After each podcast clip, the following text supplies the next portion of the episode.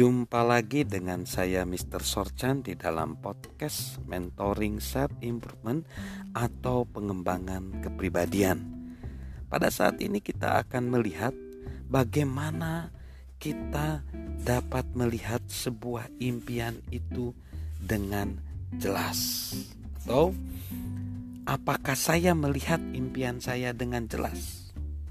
Peter Marshall berkata demikian Beri kami visi yang jelas, supaya kami dapat mengetahui di mana harus berdiri dan apa yang harus dibela.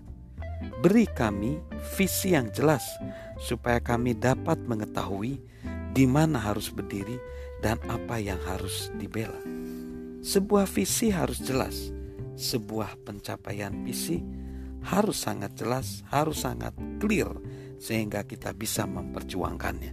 Visi yang tidak jelas akan sulit untuk diwujudkan. Bagaimana impian menjadi jelas? Yang pertama, impian yang jelas harus membuat ide yang umum menjadi sangat spesifik. Ketika kita menggambarkan sebuah impian, banyak orang tergagap dan bingung. Mereka berusaha menyusun kata-kata untuk ide samar yang mereka pelihara, tetapi tidak pernah mereka definisikan. Impian yang tidak jelas tidak akan membantu kita mencapai apa pun.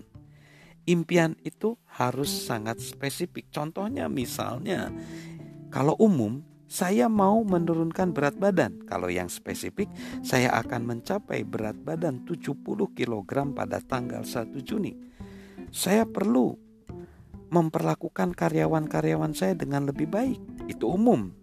Yang spesifik, saya akan menghormati seseorang setiap rapat staf pada hari Senin.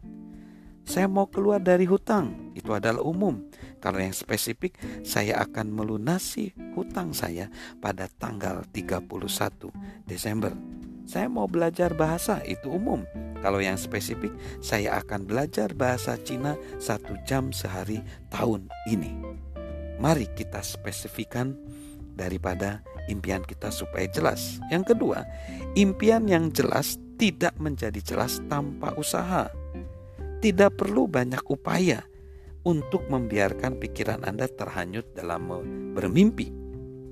Namun, perlu upaya besar untuk menetapkan pikiran Anda pada tugas mengembangkan impian yang jelas dan bermakna.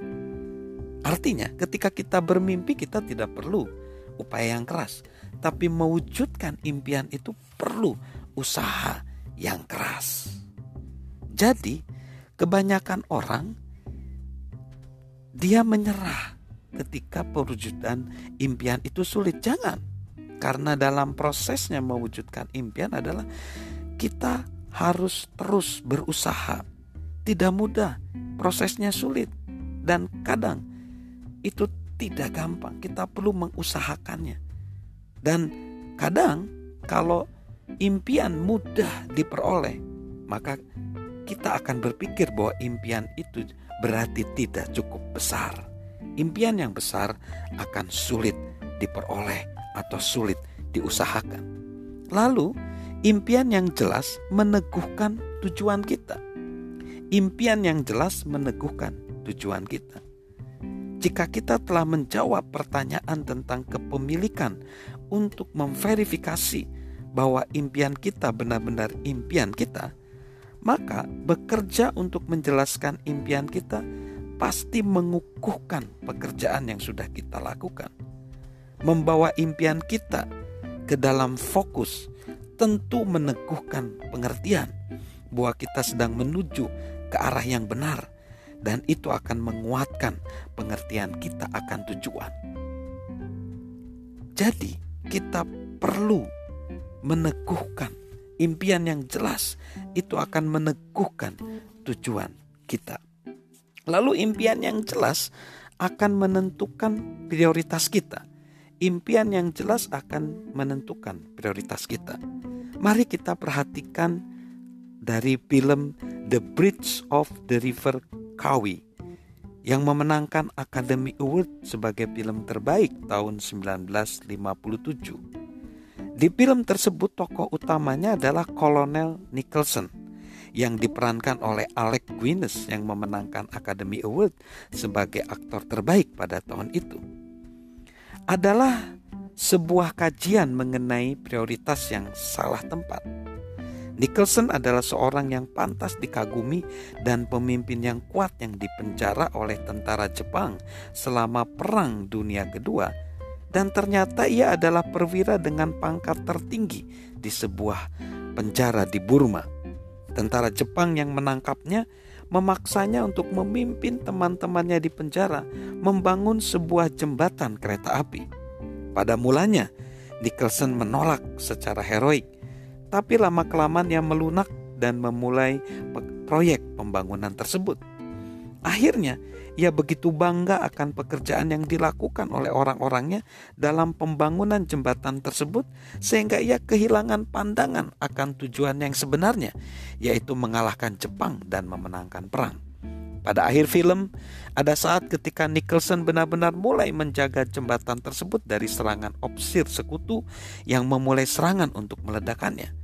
Namun, dalam kilasan wawasan saat sekarat ia berkata, apa yang sudah kuperbuat. Tindakan yang terakhir adalah meledakkan bom dan menghancurkan jembatan tersebut. Itu adalah prioritas. Sempat Nicholson salah prioritas, tetapi dia kembali ke prioritas. Impian yang jelas menentukan prioritas kita. Lalu yang kelima, impian yang jelas memberikan arah dan motivasi kepada tim. Tim yang kita ajak akan memiliki juga arah yang jelas. Pengikut tidak memberikan yang terbaik dari mereka untuk sesuatu yang tidak mereka mengerti. Orang tidak terus berjalan untuk sesuatu yang tidak dapat mereka lihat. Tidak seorang pun menjadi termotivasi oleh sesuatu yang tidak ia yakini. Jadi, impian yang jelas memberikan arah dan motivasi kepada tim.